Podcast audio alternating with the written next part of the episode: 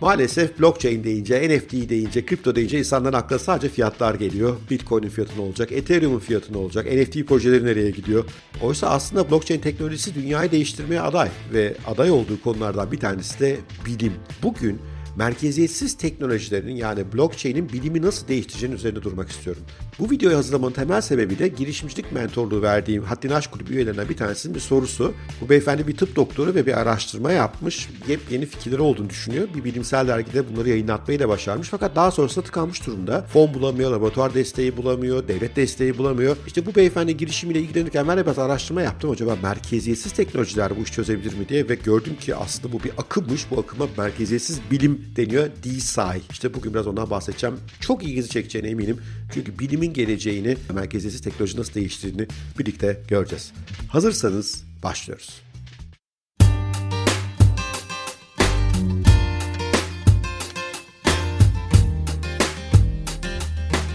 Merkeziyetsiz bilimin avantajlarından bahsetmeden merkeziyetçi bilim yani bugünkü bilimsel sistemde ne gibi sorunlar var bir ona bakalım önce. Diyelim ki bir araştırmacısınız, laboratuvarınızda bir keşifte bulundunuz veya bir teori geliştirdiniz. Bunun için fona ihtiyacınız var. O fon o teoriyi ispatlamanız, onu bir ürüne, bir hizmete dönüştürmeniz için şart.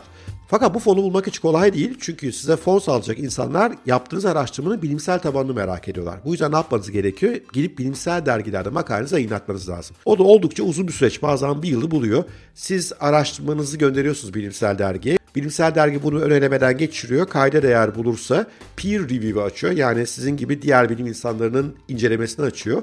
O incelemeden de başarılı geçerse makalenin yayınlanması söz konusu olabiliyor.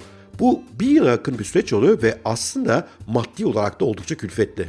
Dünyada farklı alanlarda pek çok bilimsel yayın var fakat bunların %50'si 5 grup tarafından kontrol ediliyor ve bilimsel yayın ekonomisinin toplam büyüklüğü 19 milyar dolar. Yani sinema endüstrisiyle müzik endüstrisinin aralarında bir yerlerde bir büyüklük var. Burada oldukça dev bir endüstri ve sadece 5 tane firmanın hani tek elinde diyemeyelim ama oligopolik kontrol altında. Peki bunun ne sakıncası var? Sonuçta bunlar birer ticari örgüt ve bu ticari örgütler dergilerine üye sayısını artırmak istiyorlar. O yüzden gönderdiğiniz bilimsel araştırma böyle havalı bir şey değilse mesela kelliye çare bulduk, kanseri yenen mucize tedavi gibi bunlar da yayınlanma şansı pek yok. Yani daha evvel yapılan araştırmaların üzerine bir ilave yaptıysanız, daha evvel yapılan bir araştırma yeniden ispatladıysanız veya bir araştırma yapıp bunun sonucunda istediğiniz yere varamadıysanız bu dergiler sizi yayınlamaya hiç hevesli değiller. Oysa bilimin gelişmesi ancak böyle mümkün. Başarıların, başarısızlıkların, küçüklü, büyüklüklü temel araştırmaların yayınlanması gerekiyor ki diğer bilim insanları da bunları görsünler. Bu hem onun araştırmasına kaynak olsun hem ilham olsun hem de bazen aynı işi tekrar yapmak zorunda kalmasınlar, yapılan araştırmadan yayınlansınlar. İşte merkeziyetsiz bilim bu yüzden ortaya çıktı. Bir avuç bilim insanının başlattığı çok yeni bir akım bu. Bu bilim insanları diyorlar ki dört tane temel odağımız var bizim. Bu odaklardan bir tanesi veri, bilgi yayınlansın. Başarılı veya başarısız olması araştırmanın seksi olması veya olmaması önemli değil. Mutlaka yayınlanıyor olsun. Çünkü bu diğer bilim insanları önüne açacaktır. Bunun için aracılardan kurtulmamız lazım. Yani bilim dergilerinden kurtulmamız gerekiyor. Çünkü onlar kar amaçlı kuruluşlar ve onlar ancak çok popüler olabilecek, ilgi çekebilecek şeyleri yayınlıyor. Geri kalan araştırmaları yayınlamıyorlar. Bundan dolayı da pek çok bilgi kapalı duvarlar ardında kalıyor. Üçüncüsü bilim insanları daha kolay bilgi paylaştığı zaman daha fazla işbirliği yaparlar. Birbirlerinin projelerine destekte bulunurlar, araştırmalarını desteklerler, zayıf yönlerini bulurlar. Bunu güçlendirebiliriz ve tabii en sonunda da projelerin fonlanması daha demokratik hale gelsin. Gerçekten bilimsel değer taşıyan temel bilim projeleri bile fonlanabilsinler sadece popüler olabilecek büyük projeler değil. Bunlar bence süper ulvi amaçlar ve çok hoşuma gittiler. Çünkü biliyoruz ki yeni fikirler ancak insanların fikirlerinin buluşmasıyla bir yere gelmesiyle hızlanıyor. Bu keşfi önünü açabilir. Bu belki yıllardır bir türlü tedavi bulamadığımız farklı hastalıkların tedavisini bulmamızı, farklı bilimsel teoremleri daha kolay çözümlememizi sağlayabilir. İşte bunun için bazı bilim insanları diyorlar ki gelin merkeziyetsiz teknolojilerden yararlanalım. Yani blockchain'den, akıllı kontratlardan, NFT'lerden, token ekonomisinden bu sayede yeni bir bilim ekosistemi yaratalım ve biraz önce bahsettiğimiz problemlerin çözümü burada mümkün olsun. Projeler daha kolay fonlansın, bilim insanları daha fazla işbirliği yapsınlar. Buna ilgili birkaç tane örnek projeyi size anlatmak isterim. Yalnız unutmayın buna henüz çok erken aşamadalar. Ne kadar başarılı olacakları belli değil. Haklarında bir takım endişeler de var doğal olarak. Ama yine de son derece incelemeye değer projeler olduklarını düşünüyorum. İlk merkeziyetsiz bilim projemizin adı Molekül. Molekül isminden anlaşılacağı üzere yeni moleküller yani ilaçlar geliştirmek için tasarlanmış bir proje. Ve başlığında diyor ki The future of medicine belongs to everyone. Yani bilimin geleceği herkese aittir. Burası aslında temelde bir pazar yeri gibi. Projenizi, yeni ilaç veya molekül projenizi burada yayınlıyorsunuz.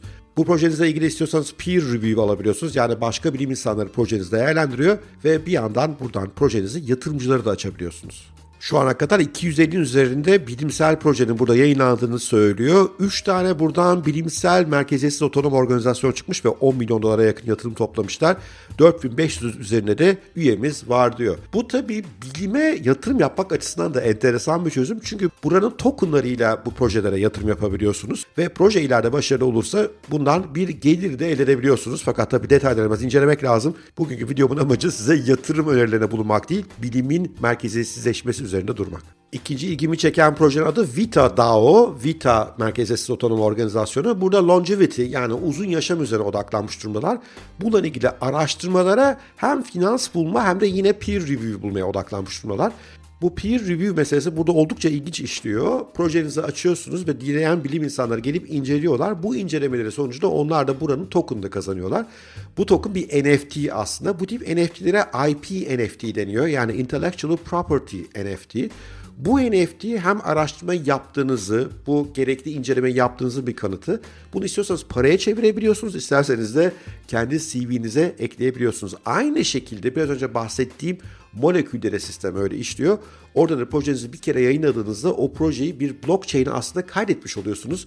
Böylece o projenin ilk sahibinin siz olduğunuz belli. Hani fikri haklarım çalınır mı, intellectual property mi bir şey olur mu onu düşünmüyorsunuz. Intellectual Property NFT yani fikri hak NFT'si olarak kaydedilmiş oluyorlar bunlar. Sahibinin siz olduğunuz belli. Böylece ileride çıkabilecek bütün patent tartışmalarında kendinizi savunmanız mümkün. Şöyle bir göz atmak istediğim son projede LabDAO, Laboratuvar Merkeziyetsiz Otonom Organizasyonu isminden anlayacağınız gibi. Diyelim ki bir fikriniz var ama laboratuvar araştırması gerekiyor ve elinizde o gerekli ekipmanlar yok.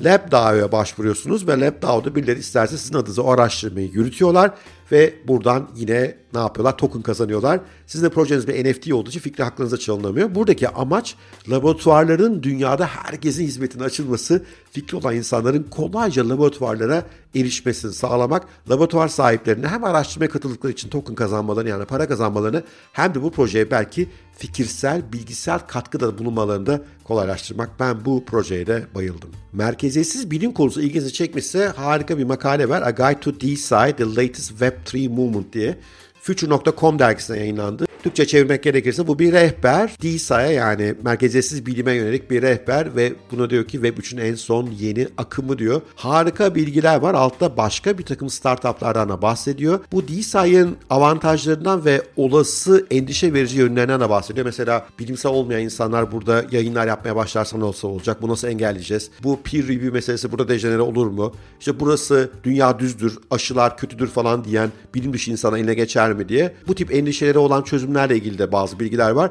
Son derece hoş bir yer. Ayrıca başka makalelere ve bu konuda yayın yapan insanlara da ulaşabiliyorsunuz. Twitter'da veya sosyal medyanın diğer platformlarını takip etmeniz de mümkün. Bence kaçılmaması gereken bir kaynak. Bu yazın linkini aşağıya bırakıyorum. Evet, merkeziyetsiz bilim çok heyecan verici bir konu. Blockchain teknolojisinin bu tip dünya için iyi amaçlar için kullanılmasına da bayılıyorum. Sadece bu para kazandığımız, alıp sattığımız bir şey olmamalı. Bunun gerçek hayatta karşılığı olmalı ki ilerleyebilsin. Bu yönden de heyecan verici buldum. Tabii çok erken aşamada henüz. Sizlerin de bu konudaki yorumlarını, sorularını çok merak ediyorum.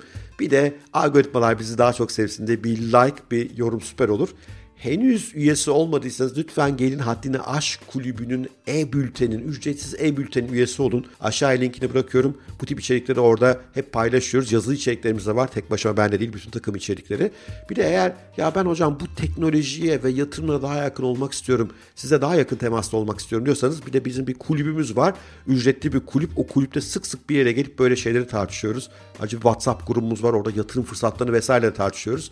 Onlar ilginizi çekiyorsa yine linkini aşağıya bırakıyorum. Gelip Haddini Aşk Kulübü'ne üye olabilirsiniz. Çok teşekkür ederim beni dinlediğiniz veya izlediğiniz için. Sevgiyle kalın, hoşçakalın.